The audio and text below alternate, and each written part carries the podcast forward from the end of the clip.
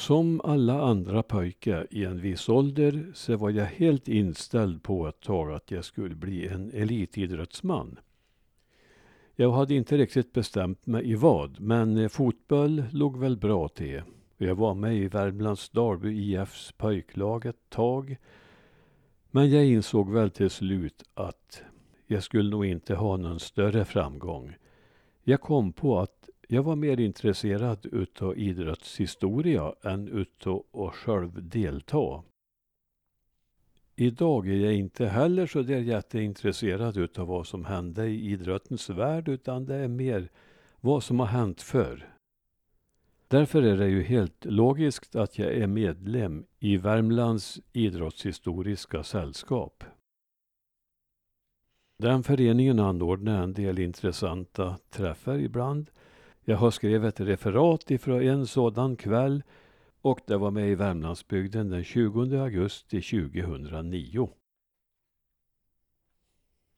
Kärrbackstrand, en kväll i idrottens tecken.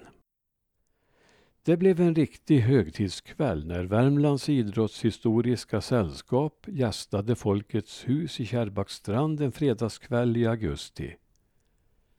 Ett stort antal åhörare var samlade runt honnörsbordet där många av Nordvärmlands gamla idrottsprofiler fanns.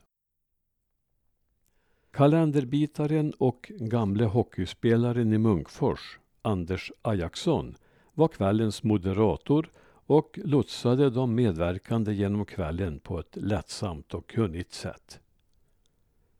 Efter en inledning om de försvinnande fotbollslagen i norra Värmland inom parentes sagt att ett område stort som Blekinge nu har ett enda fotbollslag så berättade Åke Rangedal om sin karriär. Den kunde sammanfattas i rubriken Från Kråkia till Råsunda, menade han. På Kråkia på Brattmon började han sitt fotbollsliv och Kråkia var en markbit som till nöds kunde användas att spela fotboll på. Men man tog vad som fanns. Det stod en gran inne på planen, men det kanske inte var så dumt, för den fick stå där som en försvarare som man skulle dribbla förbi, mindes Åke. Lite förbättring innebar det när man fick spela på en äng som kallades Moplanen. Kanske var detta ett bra utgångsläge för en blivande storspelare. För det gick ju bra för Åke som efter denna start har ägnat hela livet åt fotboll. Spelare i Malungs IF och sedan tränare och styrelsemedlem i Dalarnas fotbollsförbund. Han menade att det var ren feghet som hindrade honom att tacka ja till ett anbud från IFK Göteborg. På Åkes tid spelade man fotboll på somrarna och hockey eller bandy på vintrarna. I Åkes fall gällde hockey med Torsby, Ekshärad och Munkfors. Västerås fick nobben. Kanske var det för långt från Brattmon, säger han. Per-Olof Nyman berättade om sådant som en domare kunde råka ut för i de lägre divisionerna. Efter en match i norra Värmland blev han knuffad illa av en spelare som var missnöjd med diverse domslut. Dagen efter, på väg till arbetet, fick Per-Olof se en bil med punktering på en skogsbilväg. Bilens förare var samma person som knuffat honom efter matchen. Han erbjöd honom sin hjälp och vänligheten tillbaka visste nu inga gränser. All gammal fiendskap var som bortblåst. En krokig väg till idrottens förbrödning. Många fotbollsfantaster från norra Värmland har haft Degerfors som sitt favoritlag. Och det var naturligtvis en rolig överraskning att Agne Andersson var med och berättade fotbollsminnen. Agne spelade i det klassiska laget från tidigt 60-tal och bjöd på många episoder. En populär och välkänd supporter till Degerfors var Bengt-Erik Andersson från Norra Finnskoga tyvärr bortgången. Han såg alla matcher han kom åt och familjen tyckte väl ibland att det gick lite långt. Så han erbjöd sig att ta med dem på en hemlig resa. Vart det bar?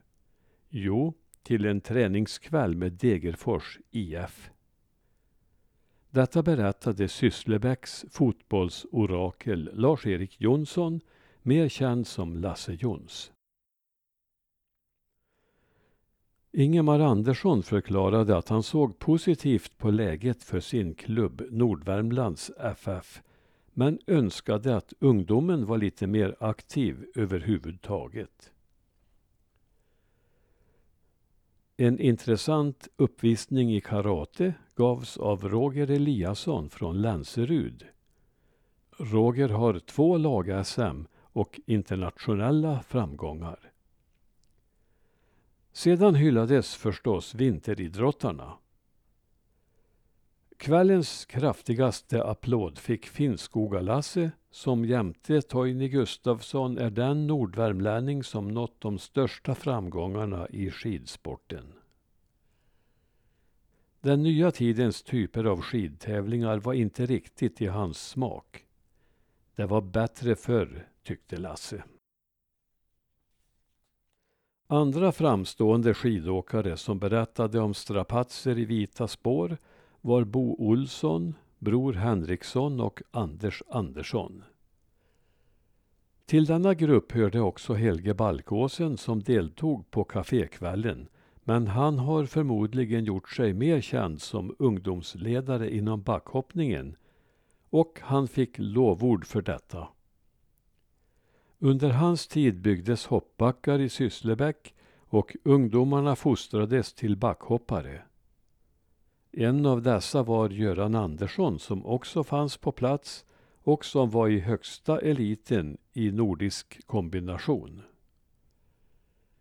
Knut Tidlund har också verkat som ungdomsledare men var också tidigare aktiv hoppare.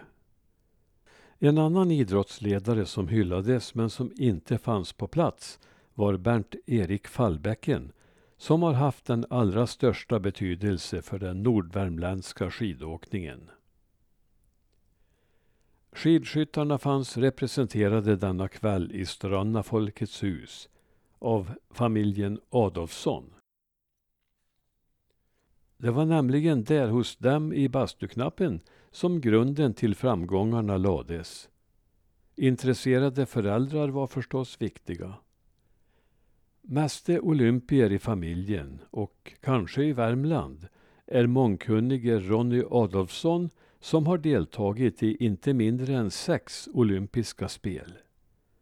I spelen 1980 i Lake Placid och 1984 i Sarajevo var han med som aktiv skidskytt och i fyra andra olympiader som kock, damtränare och massör. Ronnys dotter Kim var yngst i församlingen för kvällen och var den som såg till att inte gubbarna dominerade totalt. Lovande skidskytt är hon och har deltagit i junior-VM.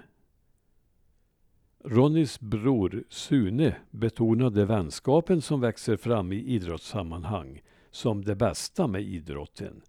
Och hans finaste idrottsminnen var inte från olympiaderna.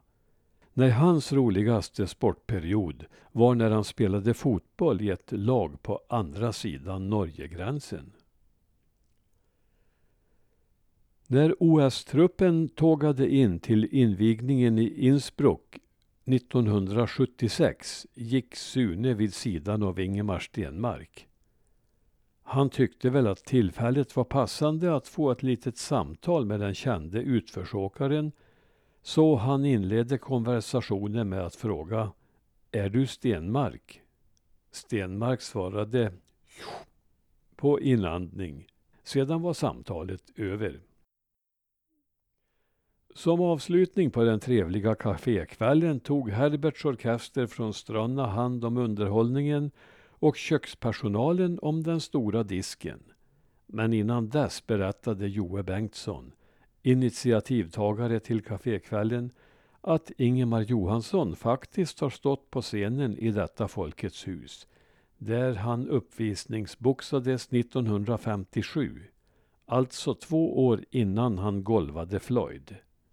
Inte illa. Efter detta lyckade café kan man kanske tänka sig en fortsättning. Det finns fler duktiga idrottare i området som säkert har mycket att berätta.